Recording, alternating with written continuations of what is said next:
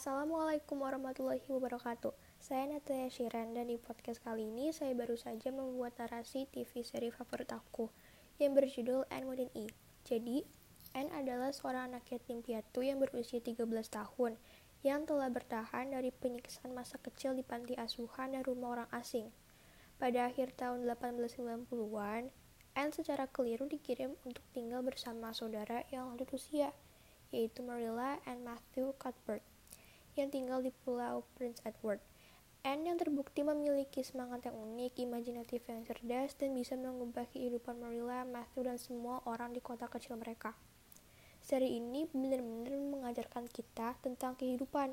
Gak ada yang namanya drama-drama anak remaja, hubungan yang toksik, dan lain-lain.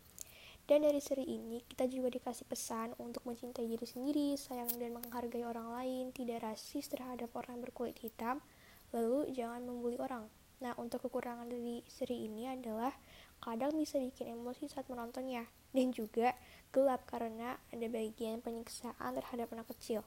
Baik, sekian dari podcast kali ini. Semoga informasinya bermanfaat. Wassalamualaikum warahmatullahi wabarakatuh.